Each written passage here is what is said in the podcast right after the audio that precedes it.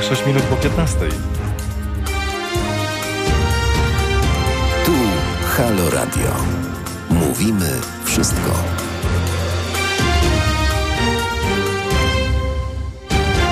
Zaczynamy Halo Aktualności. W kalendarzu wtorek, czwarty dzień maja. Dziś imieniny Antoniny, Damiana, Floriana, Michała, a także Moniki. Dziś dzień strażaka, hutnika, kominiarza i garncarza. Wszyscy w jednym garnku, ale dziękujemy, że jesteście. Dzień strażaka, hutnika, kominiarza i garncarza. 4 maja, rok 1935 w Polsce. Śmiertelnie chory marszałek Józef Piłsudski zostaje na własną prośbę przewieziony z kwatery w Generalnym Inspektoracie Sił Zbrojnych do Belwederu, gdzie zmarł 12 maja. W 1981 roku, też 4 maja i też w Polsce premiera komedii filmowej Miś w reżyserii Stanisława Barei. W 1990 roku hutę imienia Włodzimierza Lenina przemianowano na hutę imienia Tadeusza Sędzimira. To są Halo Aktualności. I bardzo gorąco Państwa zapraszamy na Halo Aktualności, licząc na Państwa obecność i komentarze. Telefon 22 39 059 22, skrzynka teraz małpa halo.radio, ewentualnie SMS-em numer 7148. Zaczynają Państwo pisanie od halo. Następnie to, co Państwo uznają za stosowne i wysyłamy na 7148, co kosztuje złotówkę i 23% VAT. Co dziś do godziny 16.45? Porozmawiamy z doktorem Sławomirem Dudkiem, ekspertem Fundacji Forum Obywatelskiego Rozwoju, o politycznej wojnie o fundusz odbudowy. Cały czas nie wiadomo, co zrobi opozycja, a może do tej pory się rozstrzygnie, a może już wiemy, co zrobi opozycja, dlatego że naszym gościem w ramach politycznej rozmowy w Halo Radio o godzinie 16.15 będzie poseł Koalicji Obywatelskiej Paweł Kowal, były polityk PiS, politolog, historyk, wykładowca, były wiceminister spraw zagranicznych oraz eurodeputowany. O godzinie 16.15 pan Paweł Kowal razem z nami. Porozmawiamy także o tym, że Prawo i Sprawiedliwość było gotowe wydać na wybory korespondencyjne prawie, uwaga, 700 milionów złotych. Najwyższa Izba Kontroli generalnie ocenia aktywność całej strony rządowej i negatywnie zwraca uwagę, że organizacja wyborów należy do zadań PKW.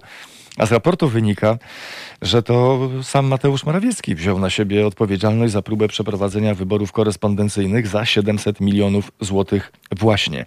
Będziemy rozmawiali również o tym, że no bo tak, agencja y, PR-owa przeprowadziła międzynarodowe badania sprawdzające, w jaki sposób politycy korzystają z mediów y, społecznościowych. Okazało się, że im bardziej są radykalni bądź radykalne polityczki, politycy, tym częściej y, komentują, tym bardziej są aktywni na mediach, w mediach społecznościowych. Ciekawe, dlaczego tak się dzieje. A może ich kontrowersyjne i radykalne treści po prostu łatwiej się przedostają i, i, i chętniej ludzie zapoznają się z takimi opiniami. Dyrektor Instytutu Badawczego Analiz Regionalnych Kolegium Humanum, pan dr Bartłomiej Machnik, będzie razem z nami już niebawem, ale zaczniemy oczywiście od polskiej nauki, polskiej oświaty. Dziś y, matury, początek matur. Pytanie, które pierwsze przychodzi być może także Państwu do głowy, czy matury w ogóle czegokolwiek są potrzebne? Nie jako dokument, który później pozwala iść dalej na drodze edukacji, tylko w ogóle, czy matury jako egzamin są do czegokolwiek potrzebne, czy one cokolwiek sprawdzają? Porozmawiamy też y, o edukacji wcześniejszej, od, od pierwszej klasy. Jakie najważniejsze zadania, wyzwania stoją przed polską oświatą, co należałoby zmienić, a może już jest taka doskonała, że nie należy zmieniać nic. Członkini zarządu Fundacji Centrum Edukacji Obywatelskiej i szefowa programu Szkoła Ucząca się, pani Sylwia Żmijewska-Kwiręg, będzie już za chwilę naszą gościnią na antenie Haloradia.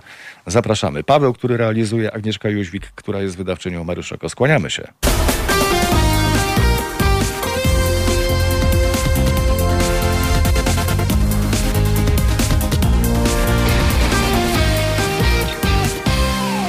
Na zegarach kwadrans po 15 razem z nami pani Sylwia Żmijewska-Kwiręk, y, członkini zarządu Fundacji Centrum Edukacji Obywatelskiej, szefowa programu Szkoła Ucząca się. Dzień dobry pani Sylwio. E, dzień dobry panu, dzień dobry państwu. Szanowna pani Sylwio, czy matura w obecnym systemie nauczania oświaty jest, y, jest komukolwiek do czegokolwiek potrzebna? Yy, wie pan, yy, Wydaje się, że, że, że cały czas tak. To znaczy jest to pewien rodzaj egzaminu dojrzałości, do którego przystępują uczniowie i uczennice. Pytanie, czy po tej edukacji zdalnej, po właściwie prawie dwóch latach szkolnych, w których uczniowie stracili kontakt z nauczycielami, uczyli się głównie samodzielnie, oczywiście korzystali z lekcji online, ale to była jednak zupełnie inna edukacja. Pozostaje pytanie, czy tą maturę w tym roku trzeba było robić. Uczennice, uczniowie w różnych częściach Polski narzekali na to, że mieli nierówne szanse przygotowując się do tego egzaminu, dlatego że w różnych miejscach Polski z różną częstotliwością wracali, powracali, jedni mogli chodzić, inni nie mogli chodzić. No nie było tak, że, że, wszyscy, że wszyscy mieli równy dostęp do edukacji, mówiąc wprost. E, ja myślę, że jeśli chodzi o nierówności e, w dostępie do edukacji, to to nie jest kwestia tylko edukacji zdalnej, ale wobec tego, w jaki sposób ona jest prowadzona w szkole, z jakimi nauczycielami uczniowie pracują, też z jakich rodzin pochodzą. Te nierówności występowały również wcześniej, e, przed tym doświadczeniem edukacji zdalnej, warto o tym pamiętać i one też obecnie dotyczą nie tylko maturzystów, ale tak naprawdę wszystkich uczniów. Uczniowie wracają do szkół, my jako rodzice, ale też my jako nauczyciele nie do końca wiemy tak naprawdę, jakie będą różnice między naszymi uczniami i uczennicami. E, niektórzy poradzili sobie z edukacją zdalną samodzielnie, doskonale, e, być może nawet wiedzą więcej, potrafią więcej niż gdyby chodzili do szkoły, ale są też tacy, dla których to e, ta możliwość uczenia się w szkole była bardzo istotna, także możliwość uczenia się od innych, tak, od uczniów, od kolegów, koleżanek, rówieśników. Więc te nierówności po prostu nie dotyczą tylko maturzystów i chciałabym to jakoś tak mocno podkreślić, że to nie jest związane z egzaminami, ale w ogóle z dostępem do uczenia się, do kultury. Czy nasz system edukacji, to czego i w jaki sposób uczymy dzieci w szkole, od y, pierwszej klasy do końca szkoły średniej. Na razie nie mówię o, o tym, co jest dalej, nie mówię o szkołach y, wyższych. Jest doskonały, to już nic nie należy zmieniać, czy zmieniać y, należy jak najbardziej wręcz na granicy rewolucji. E, my w Centrum Edukacji Obywatelskiej nie jesteśmy za rewolucjami, tylko ewolucjami. E, uważamy, że e, wszyscy musimy się też przygotować do zmiany polskiej szkoły. Muszą się przygotować nauczyciele, muszą się też przygotować rodzice, którzy bardzo często oczekują od szkoły, że będzie taka, jaka była za ich czasów, ale muszą się też do tego przygotować uczniowie. Więc gdybym miała mówić o zmianie systemu, to nie o rewolucji, a o ewolucji. I wydaje mi się, że ta ewolucja się dzieje. Ona się dzieje trochę na poziomie poszczególnych szkół, ona się dzieje na poziomie indywidualnym, indywidualnych nauczycieli. E, ono się być może też dzieje w określonych miejscach w Polsce. Wystarczy na przykład tutaj wspomnieć, e, wspomnieć samorząd e, gdański, urząd miasta, który bardzo mocno inwestuje i bardzo mocno ufa szkołom, dyrektorom i nauczycielom i pozwala im zmieniać się i doskonalić w taki bardzo autonomiczny sposób. Więc to rzeczywiście jest bardzo różnorodne e, w e, różnych miejscach. Natomiast to, czego na pewno polska szkoła e, potrzebuje, to, czego potrzebujemy w edukacji, to takiego gonienia świata, gonienia rzeczywistości, bo czasem mamy takie wrażenie, że uczniowie, uczennice uczą się ważnych rzeczy, ale zupełnie nie przystających do tego, co ich otacza, do wyzwań, z którymi się mierzą, do problemów, które obserwują, ale także do takich potrzeb, które mają w sobie e, e, poszczególni uczniowie i poszczególne e, uczennice. Myślę, że system przede wszystkim musi być bardziej adekwatny do tego, jak zmienia się świat. I w tym sensie być może wymaga pewnej rewolucji. Pani Sylwia Żmijewska-Kwiręg, członkini zarządu Fundacji Centrum Edukacji Obywatelskiej szefowa programu Szkoła Ucząca się jest Państwa i moją gościnią na antenie Haloradia. Czy ja dobrze rozumiem, że poniekąd źle są po prostu rozłożone akcenty i nacisk jest po prostu nie, nie, niewłaściwie rozłożony w szkołach, tak aby i, i przez to dzieci nie uczą się tego, co, co by im się najbardziej przydało w przyszłości? E, być może to nie jest tak, że to jest nacisk rozłożony w szkołach. Proszę pamiętać, że szkoły e, uczą zgodnie z obowiązującym prawem oświatowym. E, nauczyciele, nauczycielki, dyrektorzy zobowiązani są realizować podstawę programową. I jakby już od kilku lat mówi się, że ona jest przeładowana, że jest wiele treści, które e, e być może są istotne, ale na pewno nie z perspektywy 13 czy 14-latka, e, e, który interesuje się pewnie zupełnie innymi rzeczami, a no, no tak, jakby głównie o tym e, e, warto mówić. E, druga rzecz, która też w jakiś tam sposób obciąża szkołę, to to, że podstawa programowa skoncentrowana jest bardzo mocno na wiedzy, nie na kształceniu umiejętności. To się też oczywiście zmieniało na przestrzeni lat i coraz więcej w podstawie programowej jest mowy o kształceniu kompetencji kluczowych, kompetencji proinnowacyjnych, ale nadal w zestawieniu z wiedzą, które się oczekują od uczniów, jest tego, jest tego mało. I też szkoły nie zawsze mają warunki, żeby te umiejętności na przykład w 30-osobowej klasie po prostu adekwatnie rozwijać. Czyli Więc, klasyczna pamięciowa, tak? Kiedy bitwa pod Cedynią, kiedy koronacja Bolesława Chrobrego, kiedy bitwa pod Grunwaldem i to wystarczy. Już mechanizmów nie musimy rozumieć. Y, Oczywiście, że musimy rozumieć i powinniśmy właśnie tak uczyć w szkole, żeby uczniowie e, e, mniej koncentrowali się na tym, e, kiedy była bitwa pod Cedynią, ale proszę też pamiętać o tym, że dużo łatwiej jest zweryfikować wiedzę niż umiejętności. Znaczy to wymaga też pewnych kompetencji nauczycieli, systemu oceniania, systemu obserwacji, wyciągania wniosków jakby z tych obserwacji. Więc myślę, że to jest też coś, co czeka nas jako szkołę w najbliższej przyszłości. Musimy się po prostu nie tylko uczyć, inaczej uczyć, ale również musimy nauczyć się weryfikować to, co wydaje się trudne do zweryfikowania. Y, ale to się też zmienia. Tu chciałabym podkreślić, że zarówno w różnych badaniach e, międzynarodowych, europejskich, badanie, badane są umiejętności tak y, y, uczenia się uczniów i uczennic.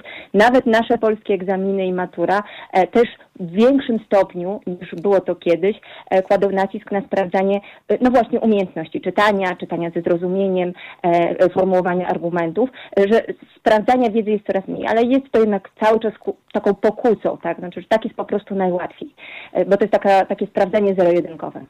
Czy jest możliwe, że z tej całej sytuacji covidowej, kiedy była nauka zdalna, kiedy była nauka hybrydowa, wyciągniemy coś dobrego dla siebie?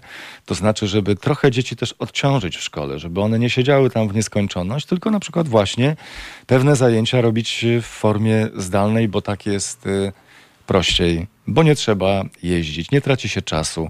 Możliwe, że szkoła będzie zmieniać się w tym kierunku? Nie wiem, to jest ten wniosek, który chciałabym wysnuć z edukacji zdalnej. Ja myślę, że wszyscy się bardzo dużo nauczyliśmy z tego okresu. My jako rodzice obserwując nasze dzieci, e, e, jak pracują w domu, co sprawia im trudność, jak wyglądają zajęcia e, szkolne online. Nauczyciele, którzy też zrozumieli i zobaczyli, na co mają wpływ, a na co wpływu nie mają, ale też dostrzegli, jak strasznie ważne jest samodzielne, ale nie samotne uczenie się uczniów i uczennic. Dyrektorzy na pewno zobaczyli, jak istotny jest taki spójny komunikat, który idzie do wszystkich uczniów i uczennic w szkole. Znaczy, że wszyscy, no, wszyscy na wszystkich lekcjach czują się e, e, tak samo bezpiecznie, wiedzą, czego się będzie od nich oczekiwało, jak, one, jak te zajęcia będą wyglądały. Mamy takie doświadczenie jako Centrum Edukacji Obywatelskiej, że tam, gdzie e, w marcu zeszłego roku została odrobiona lekcja e, e, z tego doświadczenia, pierwszego doświadczenia e, nauczania zdalnego, to obecnie wygląda zupełnie inaczej. Dzieci tęsknią za szkołą, ale też nie mają takiego traumatycznego doświadczenia edukacji zdalnej w postaci na przykład wysyłanych zadań, czy e, e, ogromnej ilości prac domowych, no i też przede wszystkim takiego samotnego e, uczenia się. Są tacy liderzy, tacy dyrektorzy, którzy po prostu mocno wspierają nauczycieli, dają im dużą autonomię, ale jednocześnie wysyłają bardzo klarowny sygnał co jest najistotniejsze e, w szkole. E, I wydaje mi się, że ten e, klarowny sygnał również jest ważny teraz, kiedy dzieci będą wracały do szkoły. One muszą wiedzieć, po co do tej szkoły wracają, co je tam spotka, a czego tam tak naprawdę nie doświadczą. Muszą czuć, że wracają w miejsce bezpieczne, miejsce, które się za nim stęskniło, za nimi stęskniło, miejsce, które nie będzie ich kontrolowało, a jeżeli będzie coś weryfikowało, to tylko po to, żeby od września dobrze przygotować się do organizacji roku szkolnego, tak by oni rzeczywiście mogli wyrównywać nierówności, bo one są. To znaczy jakby nie ma co tutaj udawać, że ich nie będzie. E, nawet ci najlepsi uczniowie e, będą mieli różnego rodzaju braki. Trzeba to sobie po prostu szczerze powiedzieć. Znaczy ja myślę, że wszyscy to doskonale wiemy i nie mamy tutaj potrzeby sprawdzenia tego w postaci jakiegoś testu czy sprawdzianu. E, ta diagnoza, bo ja bym tego słowa używała, jest nam wyłącznie potrzebna do tego, żeby dobrze zaplanować wsparcie uczniów i uczennic, wszystkich uczniów i uczennic e, w nowym roku szkolnym. I po to tak naprawdę e, mm, warto e, przyglądać się właśnie umiejętnościom i wiedzy uczniów teraz, jak oni wrócą. Chociaż generalnie namawiałabym głównie do tego, by uczniom się przyglądać, zobaczyć jakiego rodzaju deficyty, nie tylko związane z umiejętnościami takimi typowo szkolnymi, czy też wiedzą typowo szkolną u nich się pojawiły, bo jestem przekonana, że tych deficytów takich takich nieszkolnych też będzie całkiem sporo i zadaniem szkoły jest też wsparcie uczniów w wyrównywaniu e, tych deficytów. Także ja bym stawiała na relacje, na komunikację, na pracę grupową, bo to jest co, coś, czego uczniowie w najmniejszym stopniu doświadczali podczas edukacji zdalnej. Oni e, e, wiedzy, tematów, e, celów programowych e, mieli czasem może aż nadto. To, czego im zabrakło w tym doświadczeniu edukacji zdalnej, to wspólnych wycieczek, e, takich wydarzeń e, szkolnych, e, które się po prostu zwykle w każdym miesiącu pojawiały i które integrowały szkolną e, społeczność. Wymiany e, e, takiej korytarzowej, e, spotkań na stołówce, m, m, czy też zabawy na e, dworzu. To oczywiście zależy też od wieku, e, wieku dzieci. Więc ja bym przede wszystkim postawiła na to i mam takie poczucie, e, przyglądając się również własnym dzieciom, tak, i ich reakcjom i e, temu jakby po co e, one chcą wracać do, e, do szkoły, mam takie poczucie, że z tego m, dowiemy się najwięcej o e, uczniach i uczennicach, których nie widzieliśmy e, od października, większości z nich nie widzieliśmy od października, e, połowy października zeszłego roku. Pani Sylwia Żmijewska-Kwiręg, członkini zarządu Fundacji Centrum Edukacji Obywatelskiej, szefowa programu Szkoła Ucząca się. Dziś razem z nami na antenie Halo Radia. Pani Sylwio, bardzo gorąco dziękuję za spotkanie i za rozmowę. E, Dziękuję również. e, e, Miłego dnia. Dziękujemy pięknie. Uczniowie, uczennice klas 1-3 szkół podstawowych już wracają do nauki stacjonarnej. Dwa tygodnie później uczniowie z klas y, 6-8 i uczniowie szkół średnich będą mogli wrócić do szkół w trybie hybrydowym, a w praktyce od 31 maja wszyscy uczniowie mają wrócić do nauki w trybie stacjonarnym. Takie są plany. A my za chwilę porozmawiamy o tym, jak politycy korzystają z mediów społecznościowych.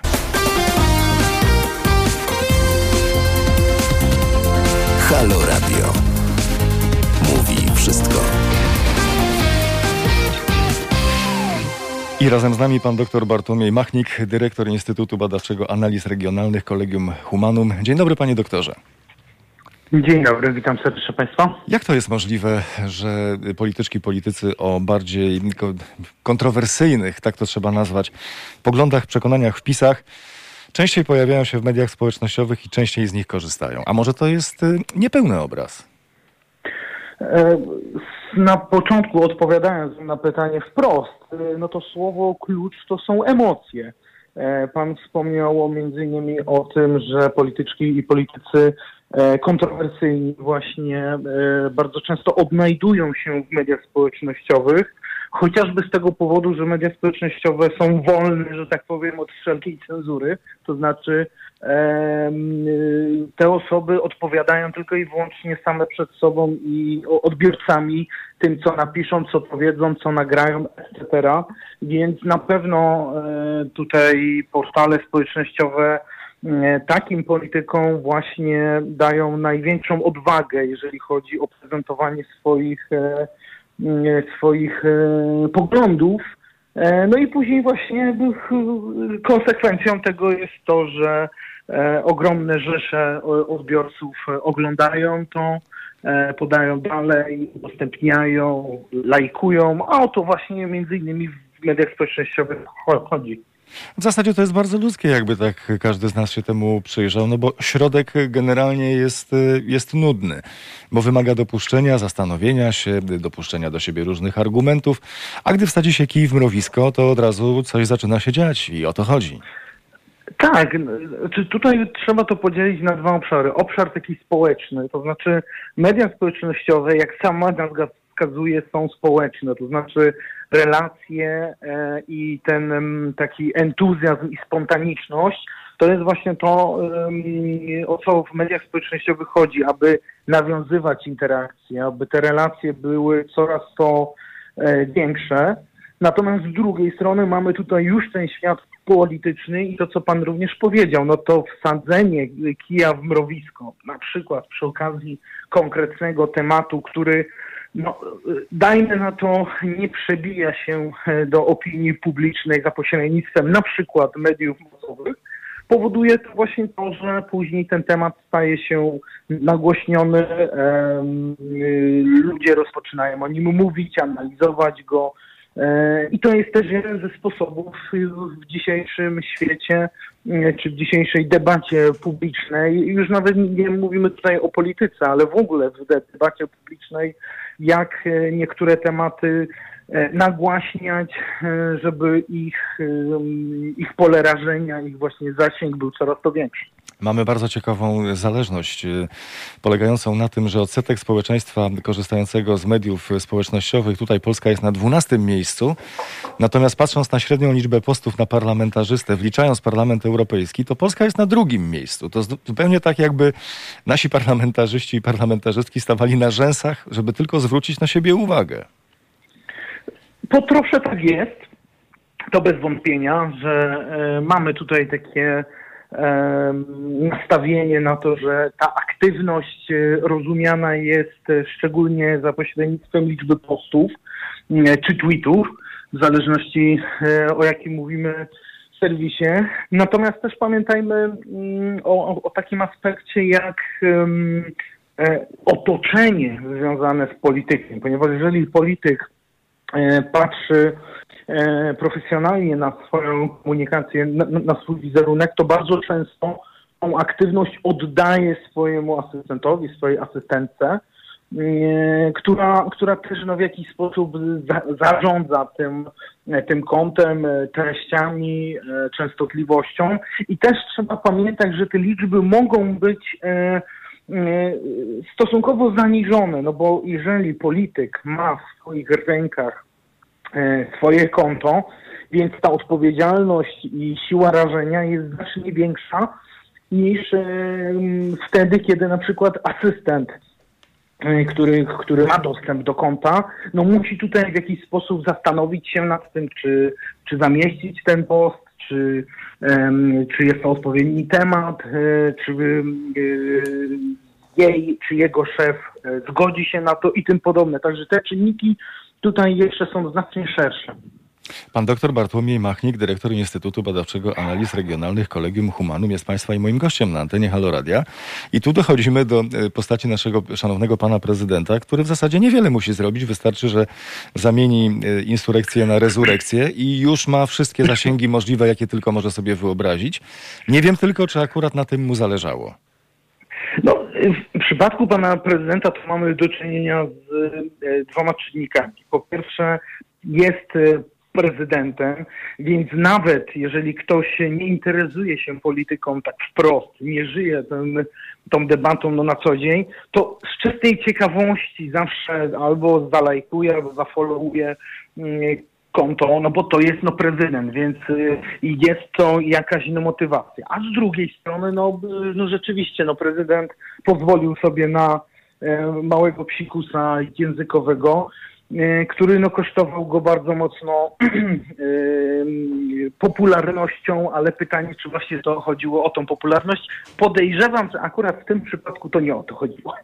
Czy politycy bywa, że wkręcają nas y, specjalnie w takie bańki informacyjne, wpychają nas w te bańki, żebyśmy słuchali tylko i wyłącznie albo tych, z którymi się zgadzamy bardzo, albo z tymi, z którymi się zgadzamy jeszcze bardziej niż oni nawet potrafią sobie wyobrazić?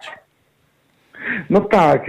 Tutaj znowu wracamy do e, tego, o czym wspomniałem wcześniej, czyli o emocjach. E, no, nasza debata e, polityczna w Polsce, teraz tutaj odnośmy się do tego, jest bardzo spolaryzowana, bardzo emocjonalna i tak naprawdę dochodzimy już do momentu, że każdy wpis, każdy komunikat, nawet składający się z jednego słowa, no tutaj mistrzem jest Donald Tusk, który tak ogniskuje wokół siebie um, uwagę, że czasami są takie sytuacje, że, że um, dwoma słowami i ten post e, czy, ten, czy tweet jest, e, jest szerowany, jest popularny w, w przysłowiowym całym internecie. Dlatego no też tutaj te emocje odgrywają no niezwykłą rolę oraz ta sytuacja, do której my doprowadziliśmy, że e, no tutaj nie ma środka. No, trzeba być albo za jednymi, albo za drugimi, bo w innym wypadku to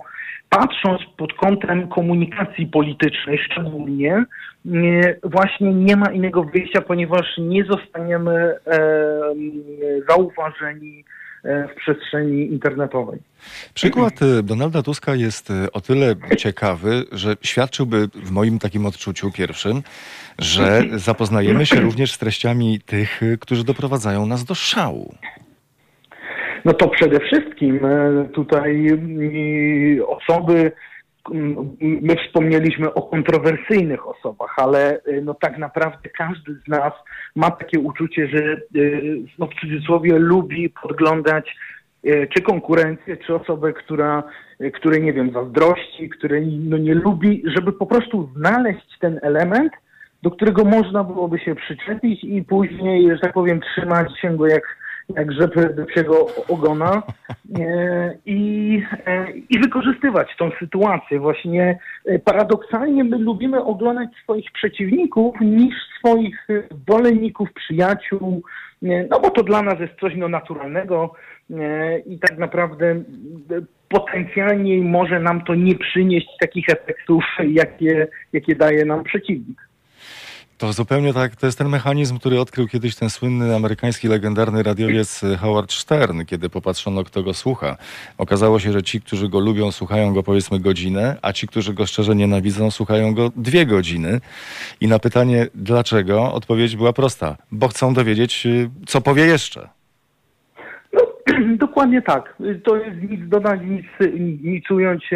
Znaleźliśmy się w takiej sytuacji, że też e, odnosząc to do e, perspektywy politycznej, e, wiemy doskonale, że najszybciej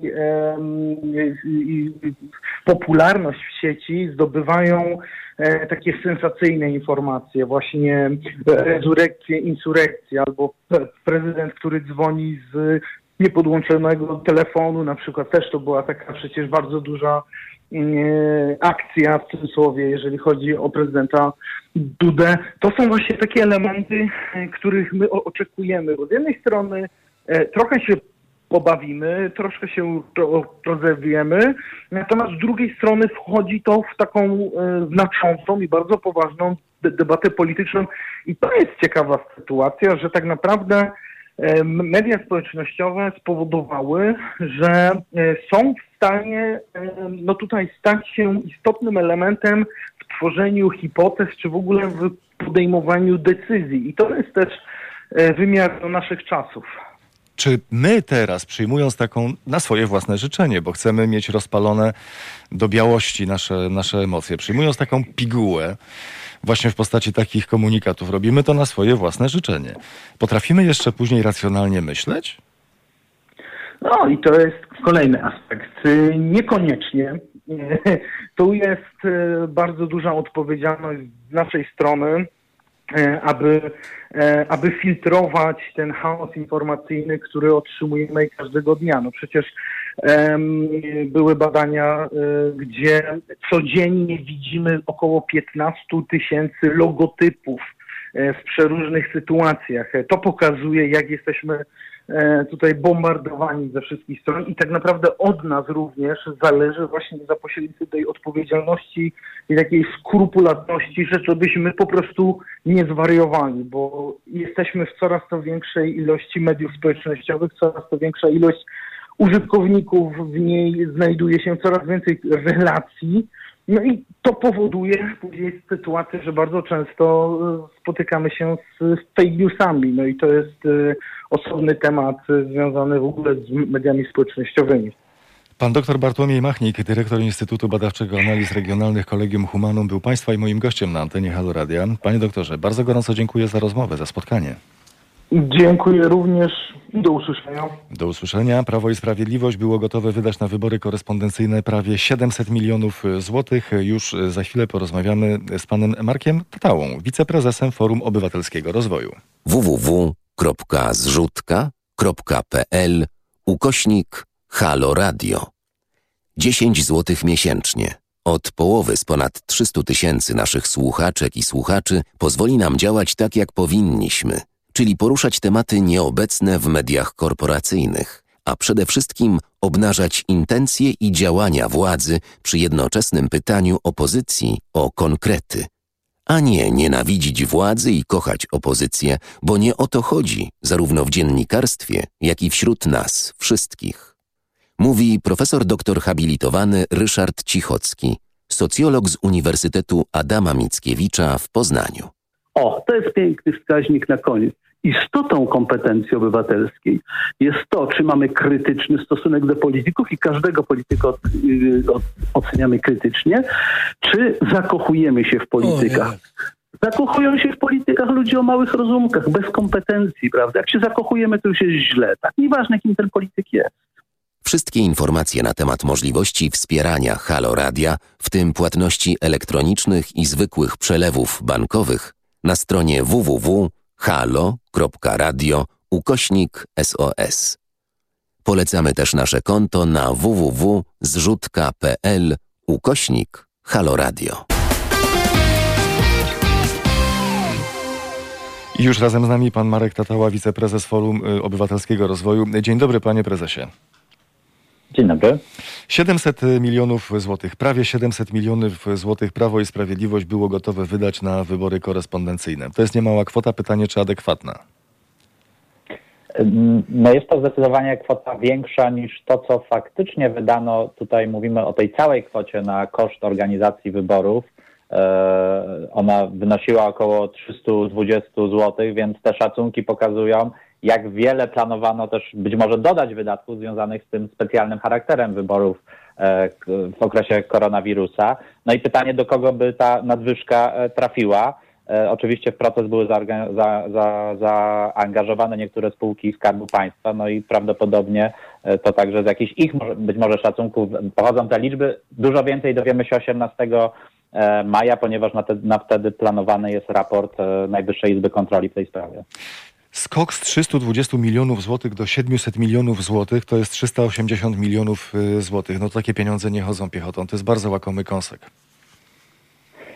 Jest to bardzo duża kwota. No, przypominam, że jednym z organizatorów tych wyborów, czy pseudowyborów kopertowych była Poczta Polska, jej zlecono różnego rodzaju e, działania. E, jest to no, podmiot kontrolowany również przez Skarb Państwa. Tam zresztą doszło do zmian w zarządzie poczty, żeby e, lepiej przeprowadzić ten proces wyborczy zgodnie z linią e, rządzących. No i być może to miałby być taki też jakiś sposób jakiegoś dotowania konkretnej spółki Skarbu Państwa. Oczywiście cały czas tutaj mówimy o tej pełnej kwocie kosztu organizacji wyborów, bo ta liczba E, na pewno robi wrażenie, ale pamiętajmy o tych fakturach, które faktycznie zostały wystawione i koszty, które zostały poniesione i według doniesień NIK to jest ponad 76 milionów złotych, które realnie podatnicy e, jak my jako podatnicy ponieśliśmy. Jakie są szanse na to, że 18 maja zobaczymy pełny obraz e, sytuacji? No, widzimy, że na razie w mediach e, pojawiają się różnego rodzaju przecieki. Pytanie, na ile e, ten e, raport NIK-u i kwestie związane z wyborami są też jakimś elementem konfliktu pomiędzy nowym prezesem NIK-u, Marianem Banasiem, a władzami Prawa i Sprawiedliwości. Czy to nie jest taka trochę gra na różnego rodzaju wzajemne oskarżanie się? E, no, mam nadzieję, że ten raport będzie rzetelnie zrobiony i faktycznie poznamy też ten proces decyzyjny, bo poza kwotą, która, która szokuje e, i tych pełnych kosztów wyborów, do których nie doszło i też tych 76 milionów, które faktycznie e, na tych fakturach były. Mnie szokuje też proces decyzyjny tego, że e, w administracji publicznej, w rządzie była świadomość tego, że jest to decyzja nielegalna, były opinie prawne, a jednak te opinie zignorowano. Co więcej, poszukiwano innych opinii, lepszych prawników, ponieważ te pierwsze zamówione nie wyszły zgodnie e, z linią Prawa i Sprawiedliwości. Jakie są szanse na to, Pana zdaniem, że ktokolwiek poniesie z tego tytułu odpowiedzialność? Jeżeli pyta mnie pan o szansę w obecnym stanie prawnym, kiedy prokuraturą kieruje Zbigniew Ziobro i e, mamy tam no, bardzo wielu prokuratorów, którzy e, są lojalni względem partii rządzącej, to obawiam się, że nie usłyszymy tutaj, e, że doszło do popełnienia przestępstwa ze strony prokuratury, która być może będzie w jakiś sposób oceniać tą sprawę, nawet abstrahując od wewnętrznych konfliktów pomiędzy ministrem Zbigniewem Ziobro a premierem Mateuszem Morawieckim, bo to na niego, e, czyli na premiera Morawieckiego e, wskazuje raportnik jako osoby odpowiedzialnej, która podejmowała właśnie decyzje e, mogące naruszać kilka przepisów polskiego prawa, ale mam nadzieję, że ta sprawa jednak no, nie zostanie całkowicie zamieciona pod dywan, pod dywan, tylko w przyszłości, w kolejnych latach uda się ją faktycznie rozliczyć. Z jednej strony odpowiedzialnością polityczną w okresie wyborczym, a z drugiej e, odpowiedzialnością no, przed sądami. To sądy orzekną, czy e, popełniono tutaj przestępstwo. Pan Marek Tatała, wiceprezes Forum Obywatelskiego Rozwoju jest Państwa i moim gościem na antenie Halo Radia. Panie prezesie, ludzie patrzą na to, co się dzieje. Najpierw y, całą winę wziął na siebie. Teraz tak to musimy rozumieć, bo podejrzewam, że pan Sasin miał świadomość tego, kto podejmuje decyzję. I najpierw całą winę wziął na siebie ten pierwszy ogień, to pierwsze uderzenie wziął na siebie pan Sasin. Teraz okazuje się, że to sam Mateusz Morawiecki ponosi odpowiedzialność za próbę przeprowadzenia wyborów korespondencyjnych. Ludzie na to patrzą, ale nie ma żadnego ciśnienia społecznego na to, że no nie no, to już jest naprawdę lekka przesada. No, myślę, że na pewno widać bardzo duże przerzucanie się odpowiedzialnością też z tych e, przecieków z raportu E, dowiadujemy się, że e, minister Sasin, a także e, szef MSWiA, bo on miał ponieść koszty faktur z państwowej, z Polskiej Wytwórni Papierów Wartościowych, odmówili opłacenia E, tych, tych, tych faktur, odmówili zaangażowania się w ten proces decyzyjny, więc myślę, że tam była bardzo silna świadomość w rządzie tego, że e, postępowanie jest e, z naruszeniem prawa i teraz jest poszukiwanie winnego. Jeżeli chodzi o podejście opinii publicznej, no to tak jak pan powiedział, ta pierwsza liczba, o której tutaj rozmawialiśmy, może robi większe wrażenie, E, ale to 76 milionów mm, pewnie dużo, dużo mniejsze i ma może taką wartość symboliczną, myślę, y, w mediach społecznościowych i, i, i na internetowych memach ta liczba często się pojawia i jest łączona z ministrem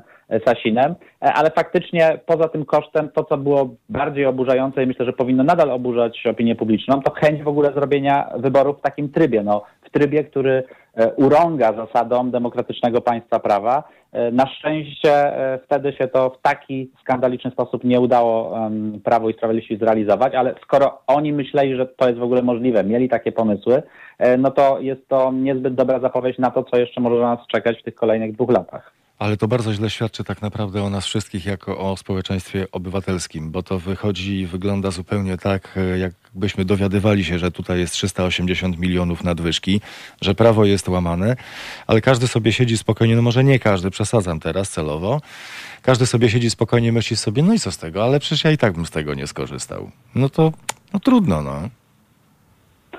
Ma, mam nadzieję, że, że jednak te, te liczby i cała ta procedura będzie mocno przypominana, szczególnie w okresie e, przedwyborczym, bo tutaj pamiętajmy, że też często pamięć wyborców jest dość krótka e, i wtedy należy to akcentować, żeby faktycznie poza ewentualną odpowiedzialnością karą e, odpowiednie osoby poniosły koszty polityczne. Ta liczba tych 70 milionów, a bardziej precyzyjnie 76, jak pokazuje raportniku, w jakiś sposób ma już swoją symbolikę. To, co zwróciło moją uwagę, to e, jakiś czas temu e, w Turcji były problemy ze, w cudzysłowie, zgubionymi pieniędzmi przez Narodowy Bank e, Turcji i tam e, władze e, postępujące w dość autorytarny sposób karały nawet ludzi, którzy w internecie czy w przestrzeni publicznej promowały tą określoną liczbę, która kompromitowała, czy mogła kompromitować obóz rządzący. Myślę, że musimy w Polsce na przykład pilnować wolności słowa, wolności mediów, żeby, żeby ten 70 milionów pozostało nadal liczbą, e, którą można będzie legalnie prezentować i pokazywać, że władza za to odpowiada. Pan Marek Tatała, wiceprezes Forum Obywatelskiego Rozwoju, dziś na antenie Halo Radia razem z nami. Bardzo gorąco dziękuję za spotkanie i za rozmowę. Dziękuję bardzo. Już za kilka minut na naszej antenie wiadomości prognoza pogody, a o godzinie 16.15 razem z nami poseł Koalicji Obywatelskiej, były polityk Prawa i Sprawiedliwości, polityk, historyk, wykładowca, były wiceminister spraw zagranicznych, a także eurodeputowany, pan profesor Paweł Kowal.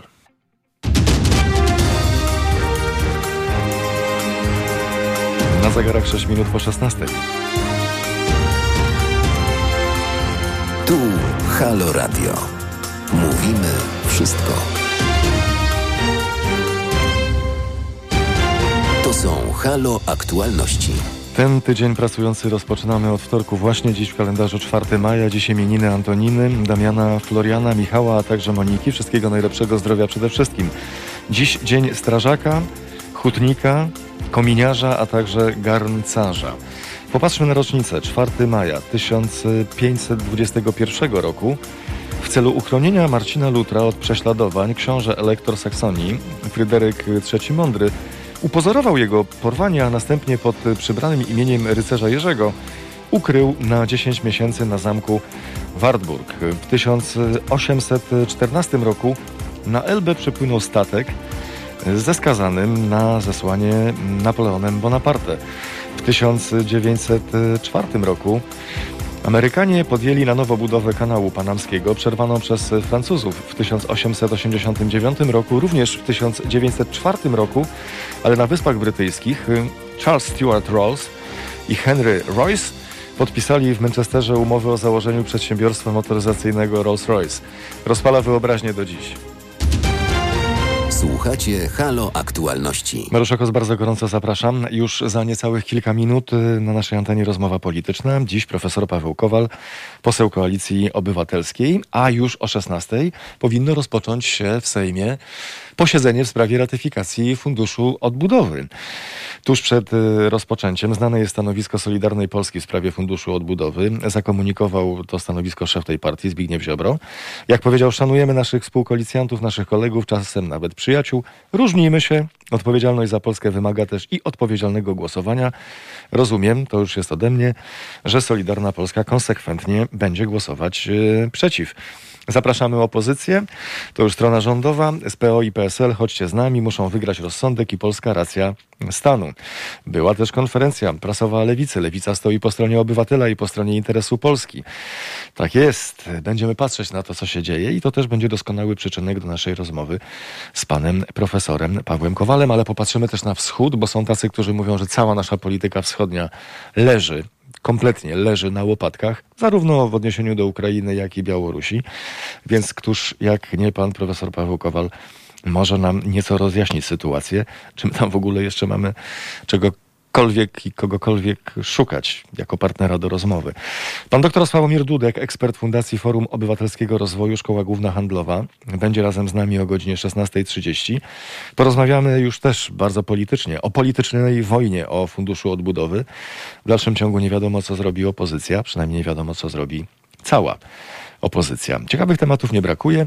Państwa zachęcam do aktywności. Telefon 22 39 059 22 skrzynka teraz małpahalo.radio lub smsem na numer 7148. Zaczynają Państwo pisanie od halo.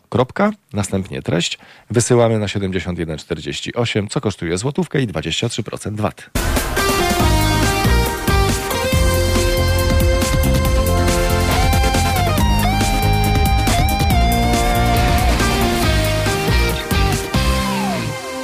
Posiedzenie Sejmu i to być może jest usprawiedliwienie dla pana posła Pawła Kowala, że jeszcze razem z nami nie jest obecny na antenie, ale rozumiemy, rozumiemy tę sytuację. Ja natomiast chciałbym pokrótce państwu przedstawić, na czym stoimy, jeśli chodzi o politykę mm, wschodnią. Zełański, dziękuję Polsce za twarde stanowisko w sprawie integralności terytorialnej Ukrainy. Chciałbym podziękować Polsce, a w szczególności panu prezydentowi Andrzejowi Dudzie za wspieranie Ukrainy na jej drodze do struktur euroatlantyckich. Nie wiedziałem, że Ukraina przyjęła już taki kurs. Dziękujemy Polsce za twarde stanowisko dotyczące integralności terytorialnej, jak również za to, że Polska jasno opowiada się za nieuznawaniem aneksji Krymu. Tak mówił podczas mm, wizyty w Warszawie e, Wołodymyr Zełański. Prezydent Ukrainy poinformował, że zaprosił prezydenta Dudę na pierwszy szczyt Platformy Krymskiej. Rozumiem, że mamy jakąś jednak mimo wszystko politykę wschodnią, skoro prezydent Ukrainy zaprasza naszego prezydenta na spotkanie i coś tutaj ma być, jak rozumiem, ustalone. Jak mówi prezydent Ukrainy, mapa drogowa do członkostwa w NATO jest sprawą fundamentalną. Omówiliśmy z prezydentem Ukrainy najważniejsze kwestie bieżące, przede wszystkim związane z bezpieczeństwem Ukrainy, problemem okupowanego przez Rosję Krymu i problemem okupowanych okręgów Donieckiego i Ługańskiego. Obecności i liczebności rosyjskich oddziałów wojskowych, które jak wiemy w ciągu ostatnich miesięcy były tam relokowane z różnych części Rosji, to stanowisko naszego prezydenta. I jak powiedział nasz prezydent, szczyt będzie poświęcony między innymi problemom bezpieczeństwa, Myślę, że kwestia Ukrainy i Białorusi będzie tam bardzo, bardzo istotnym tematem, w szczególności Ukrainy i ostatniej rosyjskiej obecności przy granicy ukraińskiej. Pozwoliłem sobie sięgnąć y, do publikacji pana Witolda Jurasza, który pisze również o tym, co dzieje się w Polsce. Jeśli chodzi o sytuację dotyczącą Unijnego Funduszu Odbudowy. I pan Witold Jurasz pisze między innymi tak. Stwierdzenia, że lewica rozbija opozycję są bałamutne, bo opozycja jest nawet mniej zjednoczona niż Zjednoczona Prawica. A pan poseł profesor Paweł Kowal już teraz razem z nami. Dzień dobry panie profesorze, dzień dobry panie pośle. Dzień dobry, witam państwa, witam pana. Rozumiem, że na sali sejmowej atmosfera bardzo napięta. Dziękuję, że znalazł pan czas.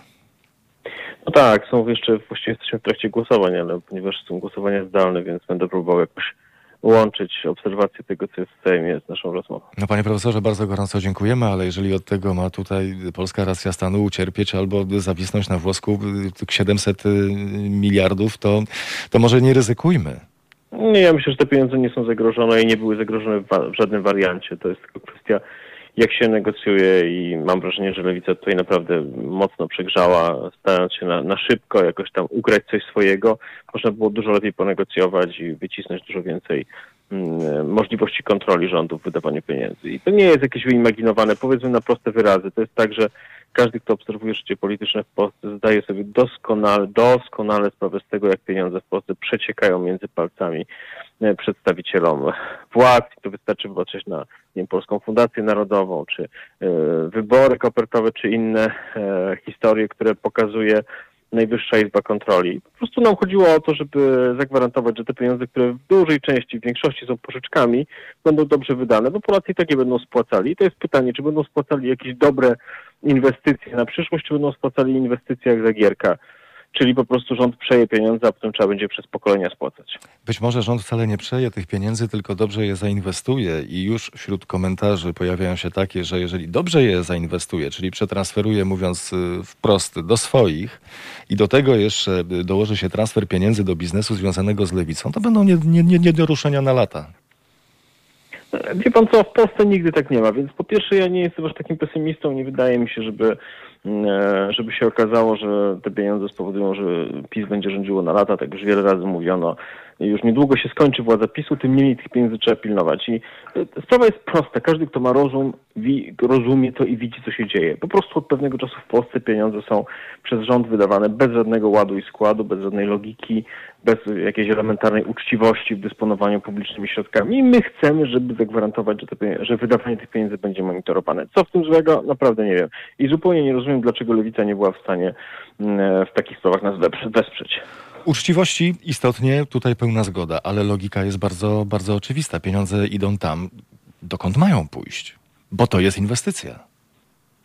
Pieniądze mają pójść w 40% dla samorządów, dlatego że samorządy mają najlepsze rozeznanie, jeśli chodzi o potrzeby mm, działania e, państwa, funkcjonowania e, społeczeństwa, różnych potrzeb i tak powinno być. Pieniądze powinny pójść na innowacje, na ochronę zdrowia w większym stopniu, na nowe formy badań, na nowe badania nad ochroną zdrowia, między innymi tak zwaną medycyną szytą na miarę. Tych pomysłów i spraw, na które pieniądze wydają poszczególne państwa na zachodzie jest mnóstwo. U nas brakło czegoś takiego, bo rząd chce po prostu za te pieniądze kupić poparcie społeczne, ale Polacy nie są tacy. To nie chodzi o to, że Polacy się dadzą na to nabrać. Ja nie wierzę w to, że Polacy się dadzą na to nabrać. Nie dali się nabrać przez 6 lat. Poparcie dla PiSu właściwie nie wzrosło od tego, z jakim oni przyszli do władzy i to się nie zmieni. Polacy nie są tacy przekupni. To chodzi tylko o elementarną uczciwość, o to, żebyśmy bezsensownie nie spłacali potem przez pokolenia pieniędzy. Ale, panie profesorze, przecież y, to 500 plus zagwarantowało zwycięstwo Prawu i Sprawiedliwość y, w wyborach, bo odgadli marzenie. I teraz wydaje się, że Prawo i Sprawiedliwość jest w takiej sytuacji, jak kiedyś mówiło się o panu Donaldzie Tusku, który, że jest z teflonu, nic do niego nie przywiera. Tutaj kolejne rzeczy, kolejne afery, czy z Orlenem, czy rozdmuchany, rozbuchany budżet najpierw z 320 milionów do 700 milionów, jeśli chodzi o wybory korespondencyjne. Nic nie przywiera. Ja tak nie sądzę. Myślę, że akurat 500 plus było świadczeniem, które miało sens.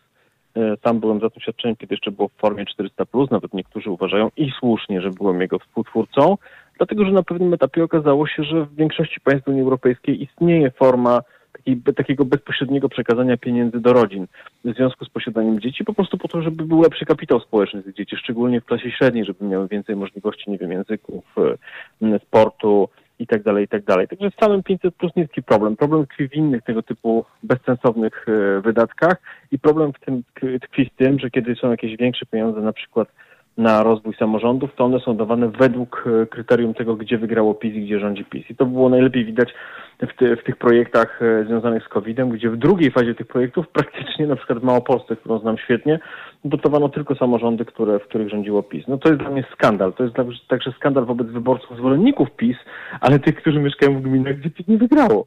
No to po prostu się w głowie nie mieści, jak oni rządzą pieniędzmi dlatego po prostu trzeba ich było docisnąć. I zobaczy pan, że po latach powiedzą, że ci, którzy mówili docisnąć, zaczekać dodatkowo dwa tygodnie, mieli rację. Pan profesor Paweł Kowal, e, poseł Koalicji Obywatelskiej, jest Państwa i moim gościem na antenie Halo Radia. Panie profesorze, skoro te pieniądze z Funduszu Odbudowy są niezagrożone, to rzućmy okiem przez chwilę, bardziej Pan oczywiście niż ja, na naszą politykę wschodnią. Czy, nasza, czy my mamy w ogóle jakąkolwiek politykę wschodnią w tej chwili odnośnie Ukrainy i Białorusi? To widać było wyraźnie podczas ostatniego kryzysu na wschodzie, że nie jest tak łatwo z naszą polityką wschodnią, że jest coraz więcej coraz więcej osób, które uważają, że powinniśmy trochę się zachowywać jak Węgrzy, czyli tam gdzieś skulić uszy po sobie, podkulić ogon i, i się schować. I mam wrażenie, że niektórzy uprawiają tego rodzaju politykę. Czyli nie mamy kompletnie żadnego pomysłu, jak dalej poukładać sprawę. To, y, mamy tradycję polityki wschodniej ostatnich 30 lat, polityki, która mówi jasno i ma rację, że nasza niepodległość, nasza suwerenność jest związana z e, suwerennością, niepodległością poszczególnych państw, które są położone między Polską a Rosją. Czyli, że jest jeden sposób, żeby Rosja nie była imperialna. To jest po prostu taki sposób, żeby Rosji odebrać możliwość wpływu na państwa pomiędzy Polską mm, a Rosją. I właściwie to, to wszystko, co można w tej sprawie powiedzieć. Niektórzy o tym zapomnieli i tam próbują jakoś się przypochlebiać Rosji, mm, próbują bić brawo Orbanowi, który uzależnił swój kraj od rosyjskiej energetyki.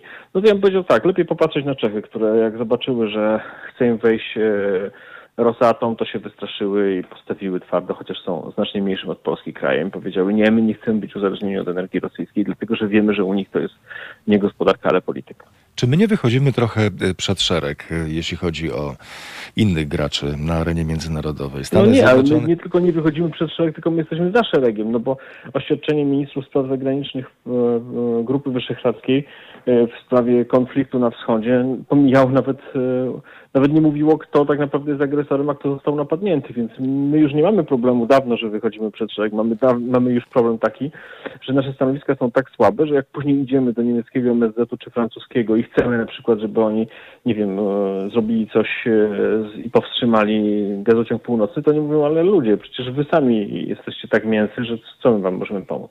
Mówię o tym, że wychodzimy trochę przed szereg, bo być może prezydent Duda stawia mm, e, prezydenta Załęskiego w dosyć niekomfortowej komfortowej sytuacji, kiedy mówi, że mapa drogowa do członkostwa w NATO jest sprawą fundamentalną.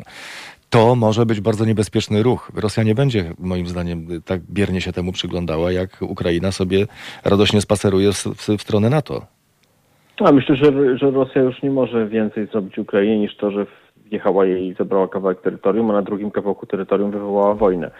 Także mm, myślę, że tutaj akurat Ukrai Ukrai jeżeli Ukrainie coś może pomóc, tylko zdecydowana polityczna postawa i powiedzenie, za czym są tak naprawdę, bo e, myślę, że już doświadczyli tego, że polityka takiego mm, lawierowania pewnego, na przykład jak za czasów Kuczmy, nie daje żadnego efektu. No, Ukraina jest dzisiaj państwem w sytuacji, w której duża część terytorium państwa jest pod okupacją Rosji, a druga część jest e, w stanie jest w stanie interwencji zbrojnej rosyjskiej. Także nie wiem, co tu może być jeszcze gorzej. Znaczy, Ukraińcom, jeżeli czegoś mógłbym życzyć, to tylko klarownej wizji tego, czego chcą i powiedzenia tego, bo i tak już z Rosją sobie nie ułożą na normalnych zasadach stosunków, przynajmniej dopóki tam rządzi Putin. A dojdzie Pana zdaniem do wchłonięcia Białorusi przez Rosję? W pewnym sensie już doszło, bo to jest proces, którego my do końca przecież nie, nie postrzegamy, bo on nie ma takiego punktu zero, ale przecież jest to proces, w którym ogromną rolę odgrywa wejście informacyjne, propagandowe ekspertów e, rosyjskich na Białoruś, wojsko rosyjskie na Białorusi, służby specjalne, także ten proces postępuje. My raczej powinniśmy się zastanowić, czy jest szansa na powstrzymanie tego procesu, czy Zachód ma taką możliwość, żeby mm, stworzyć taką perspektywę Białorusią, żeby oni powiedzieli, OK, ale wolimy jednak być Białorusią. A takie rozwiązanie oczywiście dla Polski jest lepsze, bo my się tym rozwiązaniem opowiadamy przede wszystkim ze względu na polskie interesy. Dlatego na samym początku pytałem o to, czy mamy pomysł jakikolwiek na polską politykę wschodnią, także w odniesieniu do Białorusi.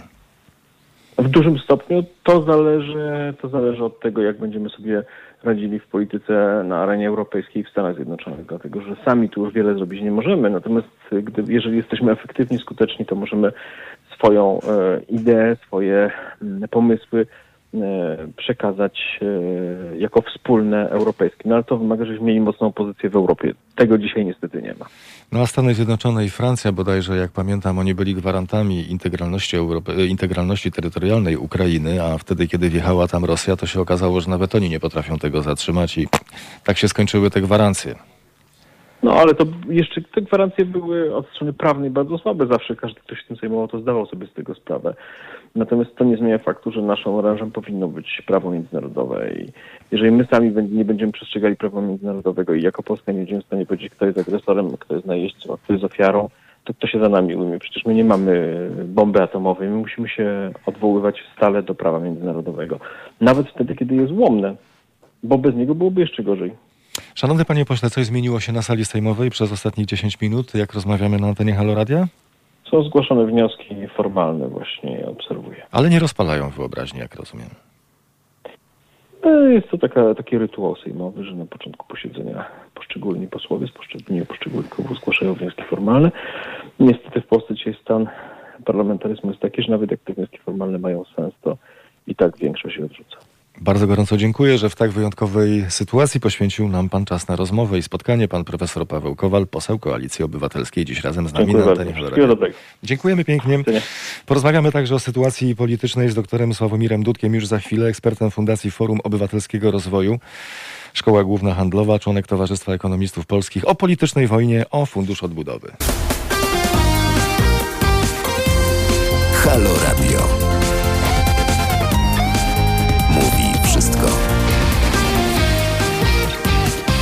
I razem z nami pan doktor Sławomir Dudek, ekspert Fundacji Forum Obywatelskiego Rozwoju, Szkoła Główna Handlowa. Dzień dobry panie doktorze.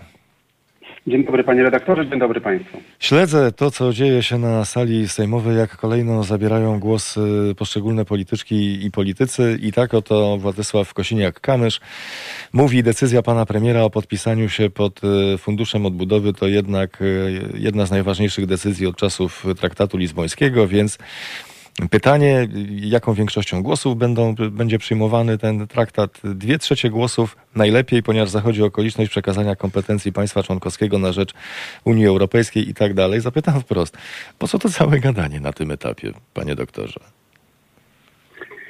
No nie wiem, no od początku obserwujemy jednak takie upolitycznienie e, tej całej e, sytuacji. E, zamiast jakby dyskutować o konkretach, o działaniach, zastanowienie się, czy e, zawarte tam działania, no bo to jest plan e, wydatków na 160 miliardów złotych. Też on nie jest przełomowa, przełomowa jest kwota, bo jest dodatkowa do standardowego budżetu, ale ta kwota też nie jest przełomowa, bo to jest ho- horyzont pięciu lat, bo te standardowe środki unijne, one, one są dużo większe i, i, i ten fundusz to jest, to jest pewnego rodzaju dodatek, ale po pierwsze to, co się stało z lewicą i jakby z brakiem narzucenia jakichś kryteriów i dołożeniem jakichś swoich postulatów, które się nadają w zasadzie na sztandary wyborcze, to brak, brak jest em, mimo wszystko dyskusji o tym, czy tam zawarte działania, ja to tak bym porównał, e, tam jest dużo działań. One są całe szczęście wybrane z takiego zestawu działań, bo komisja narzuciła nam pewne rekomendacje, ile mamy wydać na cyfryzację, ile na klimat. E, Działania w zakresie klimatu i cyfryzacji, one są podobne w, e, wielu krajach. Te, te KPO się dużo nie różnią. Wiadomo, że trzeba 5G instalować, wiadomo, że trzeba przeżyć internet szerokopasmowy w różnych krajach, w różnym zakresie się to e, odbywa. Te działania całe szczęście były narzucone. Mamy kilkaset stron różnego rodzaju działań, przy czym to nie jest, to jest taka lista wydatków, to nie jest dokument e, strategiczny. E, ja mam taką analogię kuchenną. No, e, nie wystarczy wsypać do miski czy do garka składniki, naraz wszystko wymieszać i będzie gotowe danie. To trzeba mieć odpowiednie proporcje, plus jeszcze w odpowiednim momencie te, te składniki mieszać, żeby osiągnąć sukces. Tak samo z tymi działaniami i z celami, które przed nami stoją. Nie ma żadnej refleksji, czy te cele sprzyjają i czy będą czy po, po, pozwolą nam zbudować e, odporność e, na przyszłe kryzysy i, i wyzwania.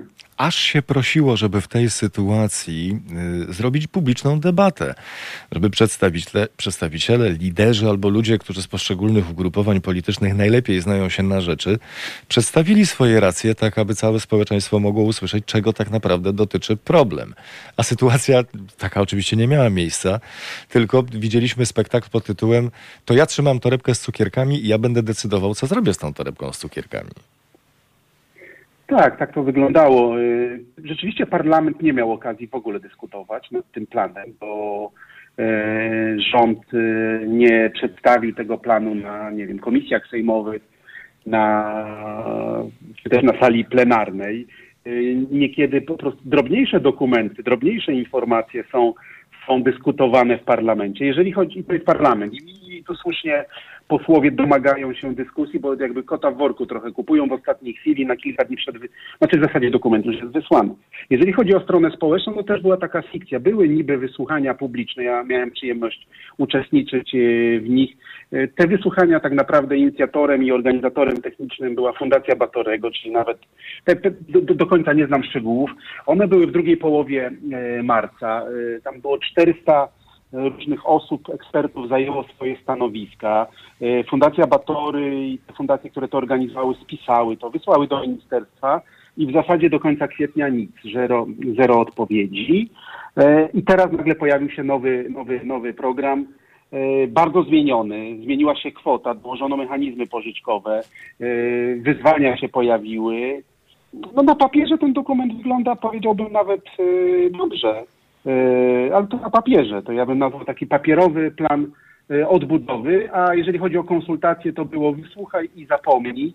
Pewnie część została, część takich drobniejszych rzeczy została spełniona, ale ogromny niedosyt e, pozostał. Dano, dalej to są też krajowy plan ogólników, można powiedzieć, nie znamy szczegółów, nie wiemy jak będzie ta grupa monitorująca funkcjonować i, i nie wiemy do końca jak te środki będą już ostatecznie wydawane i jakie będzie ich przełożenie na osiąganie tych celów do tej torebki z cukierkami, y, która tak sobie taki symbol wymyśliłem na potrzeby naszej dzisiejszej rozmowy. A przypomnę, że naszym gościem jest pan dr Sławomir Dudek, ekspert Fundacji Forum Obywatelskiego Rozwoju, Szkoła Główna Handlowa również. I do tej torebki z cukierkami pierwsza przybiegła lewica. I Koalicja Obywatelska teraz czuje się, mówi, że oni są tacy rozgoryczeni, że może nawet trochę są obrażeni, trochę się dąsają, trochę nie dowierzają, ale zupełnie tak jakby zapomnieli o tym, że mówiło się o tym, że zakulisowo oni rozmawiają ze Solidarną Polską o tym, czy przypadkiem nie przeciągnąć obrystów na swoją stronę, albo nie dołączyć do nich po to, żeby zablokować y, głos, w głosowaniu przyjęcie tego funduszu. Znaczy wie pan, to już też jest jakby taka polityka i, i, i rozgrywki. Jasne jest, że trzeba wymagać. Właśnie najważniejsze teraz wszystkim jest, to, żeby mieć dobry komitet monitorujący, to, żeby wymusić raportowanie, e, raportowanie, mm, jak te programy, cele, działania są e, realizowane, uczestniczyć też w jakiś sposób w dzieleniu tych środków. I to najlepiej wymóc ustawą, jakimiś takimi sztywnymi e, zobowiązaniami. E, poczekamy też, co komisja zrobi, bo tak naprawdę czekamy na odpowiedź komisji. Ja też chciałbym na przykład przytoczyć bo to jest bardzo złożony program. To jest naprawdę masa różnego rodzaju działań w obszarze energetyki, cyfryzacji, e, w zakresie ochrony zdrowia i jakby makroekonomii, rynku pracy.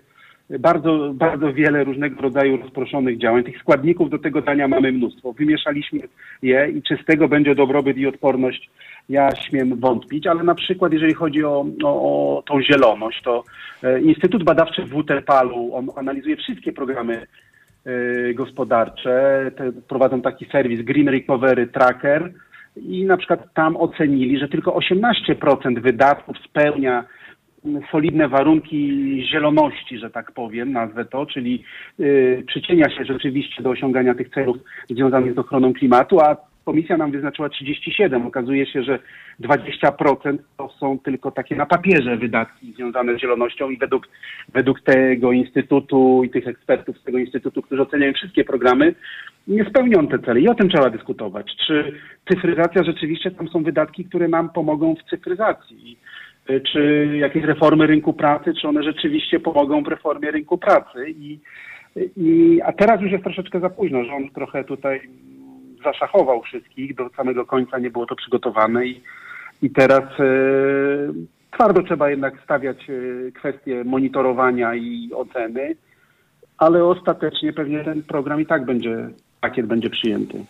Będzie przyjęty, bo tutaj co do tego raczej nie ma najmniejszych e, wątpliwości, bo też e, w rozmowie z panem profesorem Pawłem Kowalem nie odniosłem wrażenia, żeby tutaj były jakiekolwiek, jakiekolwiek wątpliwości, więc chyba gra idzie o to, niestety, jak już trochę jesteśmy przyzwyczajeni do tego, kto się pochwali sukcesem. Ludzie już tam nie będą wnikać pewnie, kto dokładnie, jak, bo nie będą oglądać każdej złotówki, gdzie ona, gdzie ona trafia. Ucieszą się tylko, że tak gigantyczna kwota trafi do, do nas, jako do, do naszego budżetu państwowego, narodowego, rządowego Polski, jak zwał, tak zwał. I pytanie, kto się tym pochwali? No najbardziej chyba chciałoby Prawo i Sprawiedliwość, bo ma najwięcej ku temu narzędzi.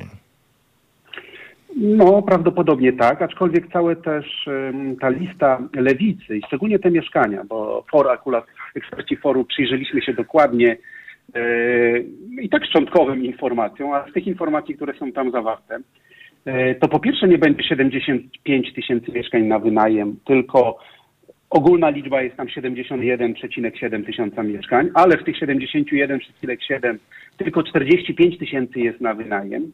E, hmm. Okazuje się, że 5 miliardów, e, cały ten program mieszkań będzie kosztował 22 miliardy złotych z czego KPO to tylko 5 miliardów, czyli 1 czwarta. 5 dorzuci budżet państwa z naszych podatków, musiał dorzucić w ostatniej chwili, a resztę 11-12 miliardów muszą i tak współfinansować y, samorządy.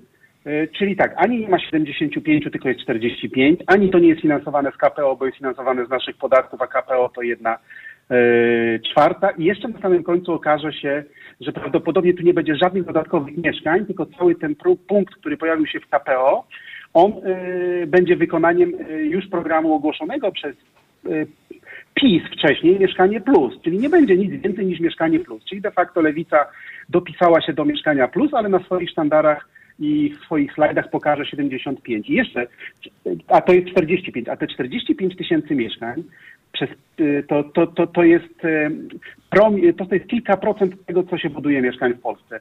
Rocznie się oddaje 200-220 tysięcy mieszkań, z czego gro to są właśnie mieszkania y, budowane przez deweloperów na wynajem, na, czy też na, na, na, na sprzedaż. Czyli przez 5 lat budujemy pewnie milion albo nawet ponad milion dwieście mieszkań, to co w tym 45 tysięcy? To nie rozwiązuje żadnego problemu systemowego. Raczej powinniśmy dyskutować, co zrobić w polityce mieszkaniowej, żeby powstawały mieszkania na wynajem, jakie usunąć bariery, żeby takie mieszkania powstawały rynkowo i przez samorządy i budowane przez państwo, ale też przez sektor y, prywatny. A my mamy na sztandarze 45 tysięcy. Ewidentna polityka, to jest, na, to jest ewidentne wykorzystanie KPO do celów politycznych i prawdopodobnie do wyborów lewica pójdzie z tym hasłem 75, podczas gdy jest 45. No warto to rozliczyć. Moim zdaniem to jest dokładnie rozliczone przez FOR i to jest typowo polityczna ustawka i e, punkt na slajdzie i pewnie na sztandarach wyborczych za dwa lata. Tak. Bardzo, bardzo to smutne, ale trudno, panie doktorze, taka prawda. Pan doktor Sławomir Dudek, ekspert Fundacji Forum Obywatelskiego Rozwoju, a także Szkoła Główna Handlowa, dziś razem z nami na antenie Haloradia. Bardzo gorąco dziękuję za rozmowę i dziękuję za spotkanie. Dziękuję bardzo, do widzenia. Już e, za kilka chwil na naszej antenie, na antenie Haloradia kolejny felieton, tym razem o godzinie 16.50 to będzie felieton Jarosława Gugały. My Państwu dziękujemy, Paweł, który realizował, Agnieszka Jóźwik, która była wydawczynią, Mariusz Okos, dziękuję, kłaniam się nisko. To były Halo Aktualności. Na kolejny program zapraszamy jutro o godzinie 15.